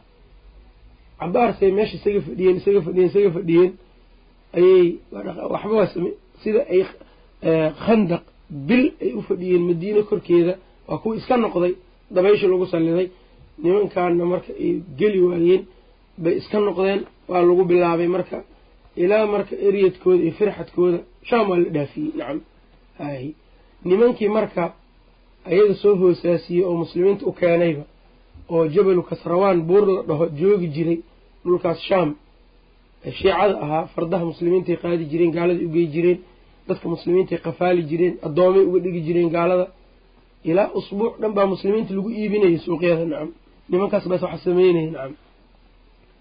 Nimankii noocaas ahaa ee tataar saas saaxiibada ula ahaa tataartu markay jabeen kuwaan hore u sii martay yiraahdeen nacam. Ayagiibay eber ka dhigeen marka nacam ay laayeen maogtahay sheekha marka hadal aada u qiimo badan uu yidhi marka man acaana daaliman buliya bihi buu yidhi nacam. Ninkii qof daalima u gargaaro asagaa lagu imtixaana buu yidhi nacam shalay tataartay u gargaareen ayagaa lagu imtixaanay. Marka ninkii un gaalada u gargaaro muslimiin uga gargaaro ee muslimiinta in la laayo sabab ugu noqdo beri isagay qabsanaysaa nacam aahaarteedana haddoo aragnaa nacam meelo badan baan ka aragnaa nacam dad badanoo diin necab aada diinta u necab oo gaalada macnaha shalay ay wax siin jirtay oo muslimiinta dhammay jiray ayabay maanta ku foorartaa nacam gaalkan waxaanu dhan isaga muslimiin unbay u yihiin waa dhamayna waxu dhamay kara nacam haddii marka ha u malaynin qof u gargaaray gaal inay gaaladu dhaafayaan nacam. Taa qof walba ha ogaado. Man acaana daaliman buliya bihi nacam. Marka nimankii kasrawaan buurta laga bixi waaye gaaladii tataartii baa hore u sii lahaysay. Sheekha marka waaqicadaas taabuu sameeyey. Waaqico kaloo marka waxaa jirtay waaqicatu shaqxab la yihaha nacam. Waaqicatu shaqxab la yihaha nacam. Taasi marka sheekh raximah llahu tacaala iyadana wax uu ku sameeyey dagaalkiibuu galayba midaas nacam oo wuxuu labistay hubkiisii waxaa ka sheekeynayey nin macnaha marka ka ag dagaalamayey markaabaa macnaha waxa uu yidhi ninkiibu wuxuu ku yidhi awqifnii mawqifa almowt dhimashada mawqifkeeda iyo istaaji buu yidhi. Nacam markaas waxaan tusay buu yidhi tataartii waa kuwaas abaan iri boor fardahoo fardaha ay wataan boorkeeda waa kuwaas abaan iri nacam sheekhi marka hubkiisa dagaalka u labisnaa dagaalkiibuu galay marka. Halkaa marka marka intuunan dagaalka gelin ka hor aad buu afka uga dhaqdhaqaajiyey buu yidhi. Gacantuu kor u taagay faruuriyuhu nuuxnuuxiyey. Marka waxaan un dareemay buu yidhi inuu habaarayo nimankaasuu yidhi. Nacam muslimiintan u duceynayo marka sidaa markuu sameeyey sameeyey ayuu dagaalkii galay. Anna dhinac baan ka galay waa isweynay buu yidhi. Nin walba meeshiisuu dagaalka uga jiray ma ogtahay galabtii oo kale markii la gaaray ee tataartii ay jabeen ayaan u sheegay buu yidhi. Aan is aragnay markaasa waxaan u sheegay wax yar baa meel ku haray meel buuray ku hareereysan yihiin nimankii. Sheekha marka waa ii duceeyey buu yidhi marka. Nacam oo aan taas marka aan uga farxiyey wuu ii duceeyey marka ducadaas iyadaa raadkeeda waa dareemay buu yidhi. Nacam oo waxaan ka dareemay noloshaydii dambe buu yidhi. Nacam siduu ugu farxay. Inta dambena marka maalintii ku xigtay ayaa iyadana la dhamaystiray nacam marka waxaad moodaa waaqacatu shaqxab baa horreysay khaazaan baa ka dambeysay. Labadaas waaqic oo isku dhow dhowba sheekha raximah llahu tacaala. Ujeeddada waxay tahay waa soo gaabinay in uu dagaalkiina la baashiray ee uu macnaha galay sidaana marka uu markuu soo laabtay marka. Tataar meeshii laga bixiyey nin kastaa sheekhu u soo hambaliyey marka. Nin waraaq u soo qoro nin madaxdii agtoodana waa ka weynaaday marka. Ninkaan nin karti badan inuu yahay dareemeen. Nin walbaa jeclaaday shacabkii madaxdii dhinac walba sheekha marka dadku markay ammaanaan markaas wax uu sameeyey ay ku ammaanaan wuxuu dhihi jiray ana rajulu milla ana rajulu millatin wa diin. Nin diineed baana diin baan difaacaya buu dhahaa walastu rajula dawla. Nin dowladeed ma ahi aniga nacam. Dowlad iyo xukun ma kala jeclay buu dhihi jiray. Marka dad u gargaarkiisiyana ma rabo nin diin u gargaaray un baan ahay buu yidhi marka ammaantaanna macnaha ma jecli buu dhihi jiray un keliya macnaha waxaan diintii baan macnaha u gargaaray hadal noocaas oo kale ayuu dhihi jiray sheekh raximah allahu tacaala. Marka waaqicadan iyo wuxuu isku shabahay waaqicadii ahayd waaqicatu lkhandaq nacam. Weliba maxaa yeele waxa uu yidhi waxyaabahan khandaqa dagaalkan nebiga sala allahu alayh waali wasalam gargaarka ilaahay uu nebiga u ballan qaaday ee dagaalada uu ugu ballan qaaday waa gargaar weligiis soconayo buu yidhi nacam yaa ayuha aladiina aamanuu in tansuru llaha yansurkum. Yani macnuhu ma aha nebiga keliya nebinimadaa loogu gargaari jiray ciddamba looma gargaarayo. Ma aha saas macnihii nacam marka laba maadaba waana laga rabaa. Inaan nebiga ku dayanno sina loogu gargaaro. Maadada labaad gaalada wax ay sameeyeen inaan iska ilaalino nakana haddaan samayno annagana dhibaa lagu dhacaya nacam taana wuxuu ka daliishaday faactabiruu yaa uli labsaar nacam maa danantum an yakhrujuu wadanuu anahum maanicatuhum xusuunuhum min allahi faataahum allahu min xaysu lam yaxtasibuu waqadafa fii quluubihim arucb yukhribuuna buyuutahum biaydiihim waaydi lmu'miniina faactabiruu yaa uli labsaar nacam marka waxa gaalada inaan ku cibro qaadana la rabaa nebiga wix uu sameeyey inaan ku dayanana laga rabaa sidaa darteed saxaabada rasuulka abudar oo kale abudardaa maalintii ruum mar lagu duulay oo qubrus laga qabsaday ayaa dadkii la kala saaray. Nimankii markii la qabsaday ee maxaabiistooda xagga loo bixiyey ayagii dhibaato ay ka muuqato ayuu aada u ooyey nacam abudardaa markaasaa la yidhi atabkii fii yowmin acaza allahu lislaam maalin alla islaamka cizeeyey miyaad ooynaysaa baa la dhahay markaasu wuxuu yidhi maya anigu waxaan u oynaya waxay tahay baynaa hiya ummatun daahiratun qaahiratun. Ummaddan saan dhibkaan hadda uu ku dhacay ummad xoog badan oo waxay ahayd ummadaha kale ka muuqato id casat amrallaahi amarka alle caasisay saan bay noqotay buu yidhi nacam marka anigu waxaan u oynayaa buu yidhi haddaad amarka alle ka leexataan sidaanoo kale noqonaysaa nacam saa buu yidhi abudardaa radia allahu canhu nacam marka dadka muslimiinta waxay u jiraa gargaarka intay diinta ayaga macnaha ay ku dadaalaan ba u jiraa nacam marka hadday maslaxadooda diinigaa gartaan maslaxadooda adduunyada waa u taam noqonaysaa nacam. Haddii aysan garanin adduunya iyo aakhir waa isaga duleysnaanayaan nacam. Oo gaaladuba ayaga waa gaala haddii la dhaho maxaa iyaguba dee maadaama ay alla caasiyeen maxaa waxaas muslimiinta loogu sallidayaa waxaa loogu sallidaya ayaga waxa ay tahay ayaga adduunyadan bis un bay leeyihiin. Imtixaan hadda ayaga la imtixaana meesha ma yaallo tan labaadoo kale macnaha adigii baa la rabaa waxa lagugu sallidayo iimaankaaga inaad dib u cusboonaysiisid. Marka raxmad baa ku jirta nacam marka gaalada la isku sallida a ujeedid dhinac marka laga feeriya raxmad baa ku jirto dadkii muslimiinta inay fahmeen baa la rabaa. Laakiin waxaad moodaa ummadda in badanoo kamida maba sii fahmayaan nacam kullamaa macnaha muslimiintu ay sii daciifaan kullamaa asbaabta dacfiga ay iska sii ziyaadsanayaan nacam laakiin dad un baa fahmi doono nacam dad ayaa fahmi doono tan labaadoo kale bishaarada waxay ka imaanaysaa mataqaanaa saxaabada rasuulka waxay dhihi jireen haddii aan dad ku duulno gaalo ah dhufays aan isugu jirno oo aan yacni uu nagu dheeraado dhufa dhufayska oo dhowr bilood aan nimanka is hortaaganahay ee aan maqalno ayagoo diintii caynaya ama nebi maxamed caynaya sala allahu alayh ali wasalam waxaan dareemi jirnay in nasriga uu soo degdegayo waa farxi jirnay. Nimankaas jabkooda inuu soo dhow yahan dareemi jirnay nacam marka in badan oo hadda gaalada kamida si calanan nebigay u caayaan sala allahu alayh ali wasalam waagii hore si calanan ma sheegi jirin.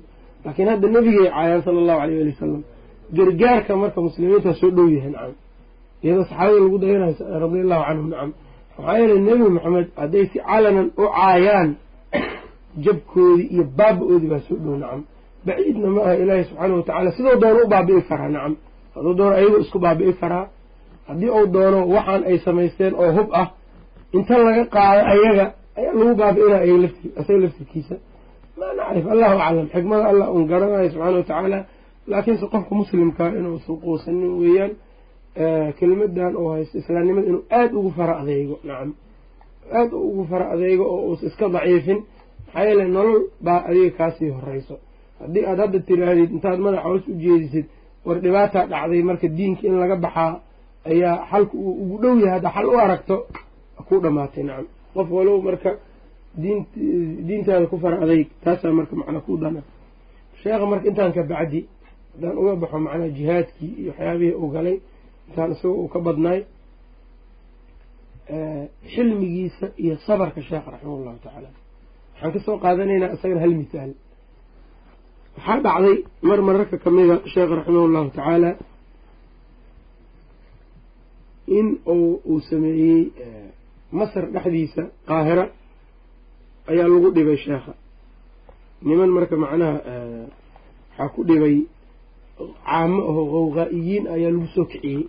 Waxaa ku kiciyey niman suufiya ah nacam markaasa waxaa dhacday waxa uu leeyahay ibnu ibnu ibnu cabdilhaadi falamaa kaana fii raabica shahri rajab min sanati ixdaa cashara sabcimia. Nin baa u yimid jaa rajulu nin baa yimid ilaa akhiihi ayuu u yimid walaalkiis sharafuddiin sheekha walaalkiis buu u yimid ninkaa isagoo qaahiro degan markaaba waxa uu yidhi ina jamaacatan koox bijaamici misra masjidka masr ee weyn qad tacasabuu cala shaykhi. Sheekhi bay ay aada ku tacasubeen korkiisa watafaraduu bihi way la gooni noqdeen wadarabuuhu waa garaaceen. Sayskaas baa lagu garaaco lagu tumay ayaa layidhi fa qaala walaalkiis marka waxa uu yidhi ninkan walaalkiisa sheekha ma faaruqin xataa isla xirnaan jireen nacam waxa uu yidhi walaalkii xasbuna allah wa nicma alwakiil su'aal lagu xiran yaha fiiri wa kaana bacdu asxaabi shaykhi jaalisan cinda sharafiddiin cinda sharafiddiin sheekha ardaydiisii qaar baa markaas la fadhiyey.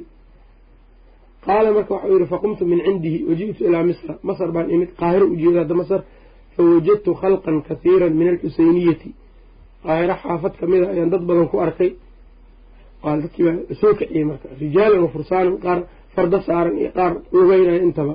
Sheekha iyagoo raadinaya aawa sheekhi aawa sheekhi odhanay fa ji'tu fawajadtuhu bimasjidi alfakri kaatibi almamaaliki cala albaxri waijtamaca cindahu jamaaca watataabaca annaasu.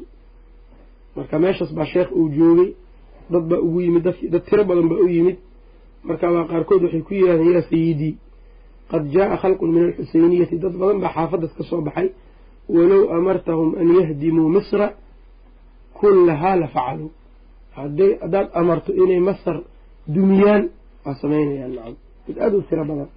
Ayagoo ku aaraya adiga nimankii ku dilay macnaha meesha ay deganaayeen. Haddaad rabto in la baabi'iyo waa la baabi'inayaa rag badan baa banaanka taagan. Sheekh fiir marka waxa yidhi faqaala lahu sheekhu liayi shayin. Maxay u baabi'inayaan buu yidhi qaala liajlika adiga dartaa faqaala lahum haada maa yajuuzu arrintan ma banaana buu yidhi faqaaluu waxay yidhahdeen naxnu nadhabu ilaa buyuuti haaulaai aladiina aadowka fanaqtuluhum wa nukhribu duurahum dadkan adiga ku dhibay keliya waayahay guryahooda waa naqaana aan aadna aan soo dudumino fa inahum shawashuu cala alkhalqi waa dhibeen dadka tashwiish bay ku fureen wa ahaaruu hadihi alfitna fitnana waa waa faafiyeen faqaala lahum waxa uu yidhi hada maa yaxilu arrintan ma banaana qaaluu fa hada aladii qad facaluuhu macaka yaxilu adigu waa ku dileen xalaalma inay ku dilaan marka nacam waxa uu yidhi hada shayun laa nasbiru calayhi walaa budda an taruuxa ilayhim wanuqaatilahum calaa maa facaluu annagu waxay yidhahdeen arrintan ma u sabri karno waa la dagaalamaynaa nimankaasay yidhahdeen nacam sheekhana waa ka reebayey markaasuu markay ku badiyeen ba wuxuu yidhi war nimaga dhegeysta ima an yakuuna alxaqu lii xaq inaad aniga leeyahay. Qofka la dhigo aniga ow lakum ama idinka inaad leedihiin aw lilahi ama inuu alle leeyahay xaq laga galay waxa kama dhexeeyaan. Fain kaana alxaqu lii haddaan xaqa aniga leeyahay fahum fii xillin minhu waa iska cafiye. Wain kaana lakum haddaa idinka leedihiin xaqa fain lam tasmacuu minii haddaadan aniga wax iga dhegeysanaynin falaa tastaftuunii ani waxba hay weydiinina.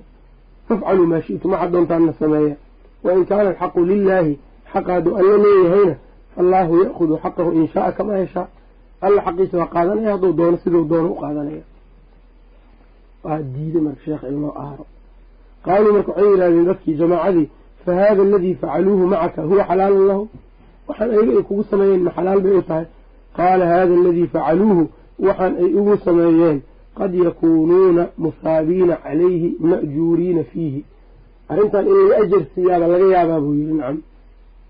Dadka ka yaabisay marka. In laga sawaabiyo laga ajar siiyaa laga yaabaa. Qaaluu marka waxay yidhahdeen fatakuunu anta cala albaatili wahum cala alxaqi markaas.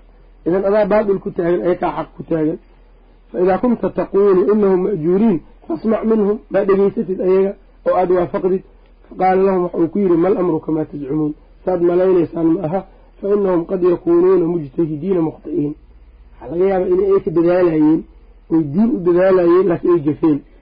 Fafacaluu dalika biijtihaadihim waalmujtahidu almukhdi'u lahu ajrun. Qofka hadduu dadaalo diin ku dadaalo ee uu gafo hal ajaruu leeyahay ee hawo iyo hadda waxaas uusan raacsiisnayn falamaa qaala lahum dalika markuu sidaa ku yidhi qaaluu waxay yidhahdeen faqum warkab macanaa markay soo bax bay yidhahdeen hadda hadda. Xataa najiya ila alqaahira qaahira aan tagnay. Faqaala laa may buu yidhi wasa'ala can waqti alcasri. Waqtiga casrka ma soo galay buu yidhi. Faqiila lahu inahu qariibun waa dhow yahay baa layidhi casrka faqaama marka waa istaagay qaasidan ila aljaamici lisalaati alcasri. Masaajidka lagu dilay buu aaday asoo casr inuu ku tukada rabo. Faqiila lahu yaa sayidii qad tawaasuu caleyka liyaqtuluuka. Nimankan waxay ku dardaarmeen inay ku dilaan ha aadin masaajidkaas. Wa fi ljaamici qad yatamakanuuna minka. Masaajidka waxaa laga yaaba inay kugu arkaan ay kugu qabtaan adiga kaliga ay ku dilaan marka. Fa abaa waa diiday ila almudiya ila aljaamici wasalaati fiihi masaajidka inuu aado ku dukada maana wax kale waa diiday. Fakharaja waa baxay watabicahu khalqun kasiirun dad badan baa raacay. Fadaaqat iطariiqu binnaasi. Jidkii baa dadka ku ciriiriyooyey marka. Tir intay ka qabeen faqaala lahu waxau yihi man kaana qariiban minhu. Dadkii u dhawaaba wuxuu ku yidhi udkhul ilaa hada almasjid. Masaajidkan gal waqcud fiihi xataa yakifa annaas dadkii u dhawaaba wuxuu ku yidhi meeshaan gal bal dadka ha kala fududaadaani lianlaa yamuuta axadun min azixaam si aan zaxmada loogu dhimanin. Fadakala walam yajlis fiihi. Waa galay masjidkiiba u galay kama fariisanin. Wawaqafa waa istaagay waana macahu inuu la socdo.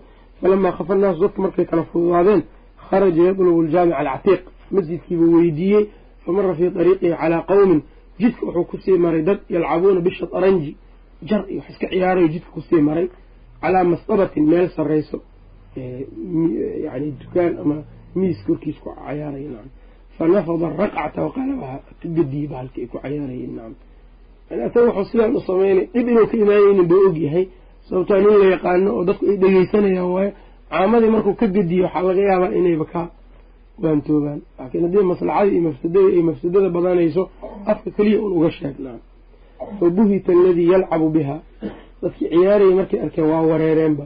Waannaasu min ficlihi dalika dadkuna waa la yaabeen ficilkan nacam ninkan kartidiisa way la yaabeen. Uma mashaa qaasidan liljaamici masaajidkii buu aaday. Wannaasu yaquuluuna dadki waxay oranayeen hunaa yaqtuluunahu. Meeshaan bay ku dili doonaan. Asaaca yaqtuluunahu. Saacaddaanay dili doonaan. Falamaa wasala ila aljaamic. Markuu masaajidkii gaaray waa la xiray masaajidkii marka. Isaga iyo asxaabtiisii waa lagu xiray. Nacam fadakhala aljaamica jaamicii buu galay dakhalnaa macahu fasallaa ragcatayn laba ragcoo ku dukaday cafwan. Yani waxay yidhahdeen masaajidkii baa lagu soo xiro doonaa waana lagu dili doonaa. Masaajidkii marka markuu galay laba ragcoo dukaday falamaa sallama minhumaa markuu ka salaamo noqsaday mu'adinkii baa casarkii addimay casarkii buu tukaday waa istaagay marka. Uma iftataxa biqiraa'ati alxamdu lilahi rabbi alcaalamiin faatixada inuu fasiro bilaabay marka. Uma takalama wuxuu ka hadlay fi lmas'alati alatii kaanat alfitnatu bisababiha ilaa aadaani almaqrib ilaa maqribka aadaankiisa wuxuu ka hadlayey mas'aladii markii hore dhibka u ka kacayba nacam iyaaka nacbudu wa iyaaka nastaciin buu ka hadlayey suufyaal bay ahaayeen ma ilaahay keyrkiis in la baryo iyay rabeen mas'aladaas buu aada uga hadlayba ummaddii uu ka cajaa'ib geliyey fa kharaja atbaacu khusuumihi marka. Dadkii asaga marka meesha ku dilay baabkan soo abaabulay caamadii ay soo direen ee sheekh wax ka dishay masaajkii bay ka baxeen maqribkii ayagoo odhanayo wallaahi laqad kunnaa khaaliqiina fii hada arajul liqiyaamina caleyhi wallaahi ninkan dilki aan dilnay waa ku gafsanayn nacam ninkan wax fiican buu sheegaa bay dhahen lidaalika dad badanoo iska caamaa waxyaabaa laga dhaadhiciyey iska ilaali kan waa wahaabi ha dhegeysanin wahaabiyada waa ku soo jiidanayaan laga dhaadhiciyey maogtahay marka dadka caamada haddii loo baneeyo wax dhegeystaan wuu garan karaa qofka xaqa nacam baatilkana waa fahmi karaa laakiin ninka markuu rabo inuu meel kugu xirxiro kaas ha dhegeysanin kan ha dhegeysanin kan ha yeelin meel buu raba inuu kugu xirxiro maogtahay salafku waxay dhihi jireen sheekaaga haddaa rabta inaad ogaatid masaa-isha uu ku qaldan yahay nin kaloo isaga lamida la fariiso dhegeyso hadhuu isku muqaaranaya marka nacam. Laakiin hal nin keliya iska un nacam waa usluub marka waxaa waaye irhaab waa usluubkan oo yani qofka la leeyahay qofkaas haddaa la fariisato iska jir qofkaas haddaa wax ka dhegeysato iska ilaali qofkaas haddaa raacdo iska jir waa qofkiibaa macnaha la la argagixinaa maogtahay nacam. Qofkan haddaa adiga wax saxa hayso u sheeg. Hadduu ku qanco falilahi alxamdu hadduusan ku qancin haddii wax lagaa weydiiyey uga jawaab. Nacam midda kale dadka kugu kacsan mar walbo ama ku caaynayo ama ku dilaayo haddaad marka ugu horreysay ku dilaan ama ku caayan iska orado waxaa laga yaaba mar kale wax u faa-iidey karin mogtahay sheekh waa iska sabray mar labaadu ku soo noqday waa kan isagay raaceen baa nacam walow takalama hada bigayri alxaqi lam numhilhu ilaa an yaskut bal kunaa nubaadiru ilaa qatlihi. Hadalkii baa ku socday markuu bilaabay ilaa maqribka waa la tegayba hadalkii. Ninkaan da wax un sheegayo markii hore aanba dili lahayn bay yidhahdeen nacam hadalkiisa hadal macaan way waxaan intaan u dhegeysanayni. Sidaa bay marka sheekha kadib waa masaajidka markuu ka muxaadiro iskaga tegiyey halkan waxaa laga qaadanaa marka sabarka sheekha sidau ahaa dadka atbaacdiisa isagoo awoodi kara inuu dadka wax yeelo ma yeeli jirin lidaalika qaabka hadda dadka in badan oo ka mid ay u dhaqmaan waa maxay? Ninka marka asaga la xiro matalan nin baa diinta lagu xirayaa darteed matalan dadkii buu kicinaya marka wuxuu leeyahay mudaaharaado aniga. Ma qofku inuu saas yeelo adiga dhibka inaa u adkaysato imaam axmed markii la xiray ee la dhibi jiray dhibka asaga u adkeysan jiray. Amaa dadku inay dhibaatada galaan oo xabsiyada la soo buuxiyo ma dadka uguma yeeri jirin. Laakiin hadda dadka waxaad ka arkaysaa xarakiyiinta masalan nin baa wuxuu ogyahay in la xiri doono markaasba wuxuu maanta dhan u ka hadlayaa macnaha xabsiyadii baa lagu jiraa culimadii waa xirxiranta dhac dhaqsada kaca. Meeshii marka waa laga mudaaharaadaya ninkii madaxda ahay xabadow dadka ku furayaa.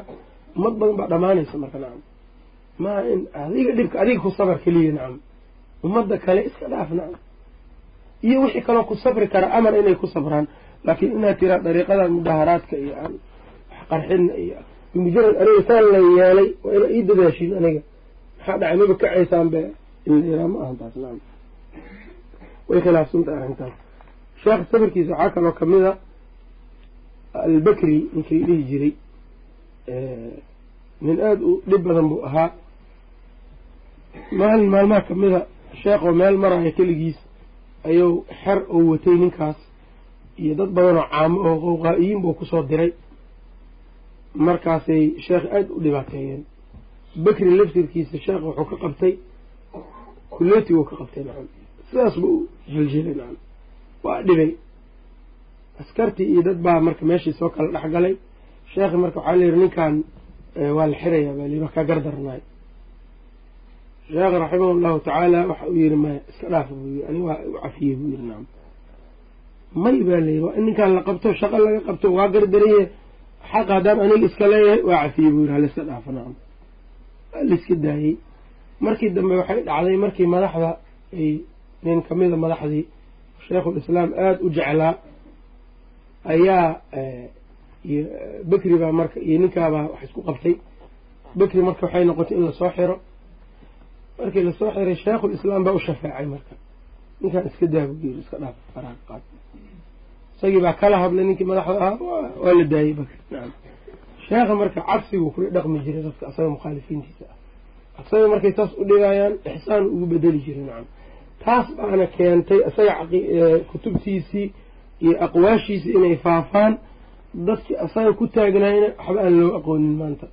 Bakrigaas hadda lama yaqaano ikhnaa-i lama yaqaano raggii ku kacsana zamlakani sidoo kale. Kasta uu ka roonay labadan dambe haddana cid badan oo garanaysa male sidoo kale macnaha taqiyudiini subki. Lidalika marka sheekha raximah llahu tacaala waxyaabaha qofka waariya waxaa ka mid a ikhlaaskiisa dadaalka uu diinta u dadaalo iyo musaamaxadiisa badan. Saasay u keentay. Ugu dambeyntii sheekha sijnulqalca ayuu ku dhintay xabsigaas sababta dhimashadiisa keentayna waxay ahayd mas'ale ayaa la weydiiyey. Waxaa la yidhi ziyaaratu alqubuur in loo safra ma bannaan tahay. Qubuurta in la ziyaarto oo loo safra ma bannaan tahay. Masalada la weydiiyaa maxay? Safar in loo aado qubuurta ma bannaan tahay. Masaladii buu ka jawaabay marka. Waxa uu yidhi ma banaana waxa uu yidhi macnaha mas'aladan laba qowl bay culummada ka qabtaa buu yidhi. Xadiidkii wuxuu keenay laa tushaddu rixaalu ilaa ilaa halaathati masaajid maadaama saddexdan masjid keliya la yidhi ha loo safro wixii kalena la diiday. Qubuurtii min baabi owlaa haddiiba masjid kale la diiday qabri intuu joogaa marka. Culamada qaar saabay qabaan buu yidhi sidaas baana raajix ah. Culimmadii saxaabadii sidaa baa laga soo guuriyey buu dhahay bacdu almuta-akhiriin baa waxay qabaan way bannaan tahay safarka. Waa bannaan tahay. Sunno waay ma ah qaar baa qaba u dhahay. Culimadii gadaal ka timid qowlkoodaasna waa laga raajixsan yahay min xaysu daliil maxaala daliil baa lahaayaa ma ogtahay? Iyo fahamkii ibnu cumar iyo abu saciidin alkhudri iyo masaladaabuu kitaab marka yar ka qoray. Kitaabkii marka fatwadii buu diray. Masr bay gaartay suuqa marka waxay geliyeen.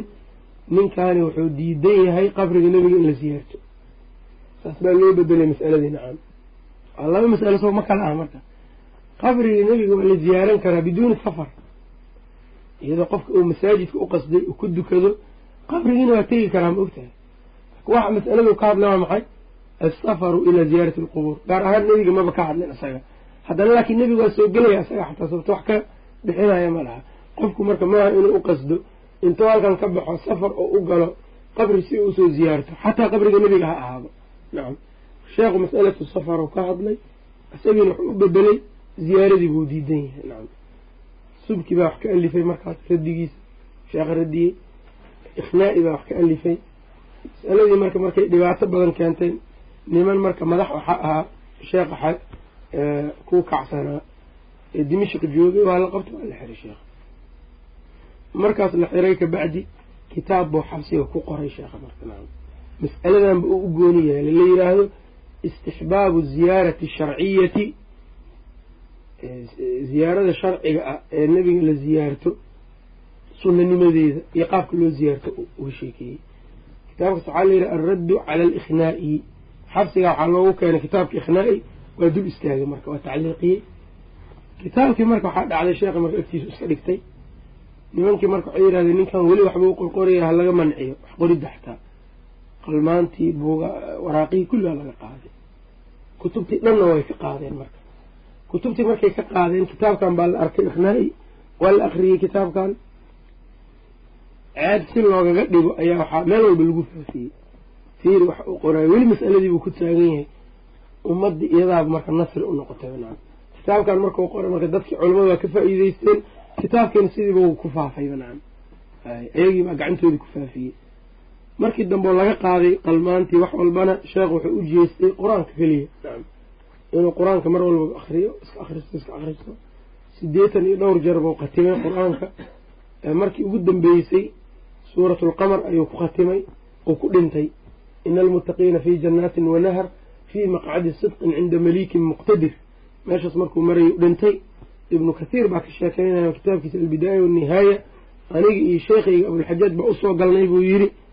Sheekha markuu dhintay cabaar baan marka aan joognay meeshii aniga waa ka soo baxay buu yidhi abulxajaaj baa dhaqay buu yidhi sheekha nacam.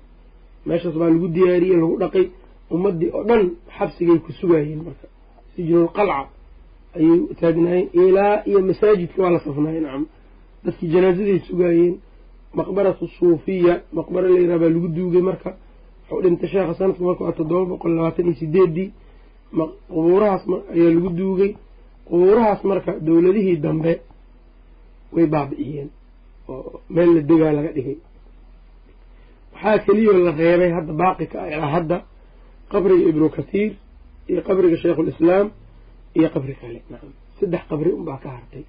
Nacam saddex qabri keliya unbaa ka hartay oo marka meeshii isaga yaallo oo aan iyada la duminin sheekh culamada soomaalida ka mid wuxuu yidhi dimashik booqday meeshaas. Nin meesha agtiisa dukaan ku haystaan weydiiyey buu yidhi qubuurtan maxaa loo baaqi yeelay eeka? Marka wuxuu ii sheegay buu yidhi kalaamun macnihiis uu yahay xiriir ka dhexeeyey markaas nimankan wahaabiyada ah dowladdii hore oo maxamed bin sacuud iyo nimankii suuriya ka telinaya loo dhaafay dartiis buu yidhi maxaa yele ninkan waa iska wahaabi buu yidhi naam. Ibnu taymiya maxaa cabdillah maxaa cabdillahi baa wax badan dambeeyey. Maxaa cabdillahi saddex boqol ma dhama inta laga jiro. Ibnu taymiya ka horreeyey sidee ibnu taymiya wahaabi ku noqonaa marka nacam calaa kulli xaal qaarna waxay yidhahdaan dadka waxaa loo dhaafay waxay tahay ninkan maadaama geesi oo ahaa batal batal wadani camal in laga dhigto. Nin yani soo halgamay oo waddanku u soo halgamay oo suuriya wax ka difaacay yani maadaama tataartii uu ka difaacay saabaa loo taas dhan baana xoog badan in loo dhaafay. Maxaa yele nimankan waa ku faanaan. Waxaa arkaya xataa kuwo diinba aan lahayn isaga faanayo nacam waxay ugu faanayan ayaga kownuu ninkan dimashqi yahay ou yahay nin nasaarada macnaha dhulkan ka celi jiray oo ahaa isla markaasna macnaha ahaa tataarta sidoo kale jebiyey inahu macnaha nin geesi wadani camal ah ayaa laga dhigay. Laakiinse calaa kulli xaal sheekha meeshaas buu ku dhintay arday badan buu ka tegey ardada uu ka tegey ibnulqayim baa ugu weynaa marka nacam. Ibnuqayim aljawziya marka cilmigii ibnu taymiya wuxuu ku khulaaseeyey manduuma shicir layraa alkaafiyatu shaafiya fi lintisaari licaqiidati alfirqati annaajiya nacam toddoba kun oo beyd waay taqriiban nacam caqiidada ahlu sunnada dhan uu ku khulaaseeyey nacam meeshaas iyadoo manduumaa si loo xifdiyo culamadii hore marka xifdi jireen hay marka dee jihaadkiisii iyo dadaalkiisiina ibnulqayim baa hore u sii waday marka nacam oo isagana xirnaa waktiga uu dhimanayo sheekhiisa dadkii la soo xiray buu ku jiray ardayda qaar baa la xiray ma ogtahay xataa abulxajaaj ilmizzi waa la xiray nacam marka fi lakhiir sheekha marka siiradiisa inahaas unbaan ka soo koobnay. Kulley cibro unbaa ku sugan. Waxaan u akrinayna waxa ay tahay keliya maaha dadka in laga dhigo taymiyiin oo ibnu taymiya hadda loo nisbo sheegto. Laakiin waxa ay tahay in uun keliya wanaagga loogaga daydo. Waana bashar yukhdi wa yusiib wix uu asiibo laga faa'iideysto wix uu gafana dambi dhaaf loogu weydiiyo loogu cudur daaro maadaama nin mujtahida uu ahaa taas unbaa hadda macnaha anaga naga qusayso taas baanan u dhiganaynaa. Iyo inaan culum ka faa'iideysano kitaabaadkiisa markaan ka sheekeynayno culum badan baan ka baranay fi lxaqiiqa isagana inuu ilaahay subxaana watacaala dembi dhaafo waxaas oo hormarsadayna fii miisaani xasanaatihi oo ka dhigo annagana in ilaahay subxaana watacaala uuna waafajiyo wixii khayrka uu ku jiro. Hada wabillahi tawfiiq. Wallahu tacaala aclam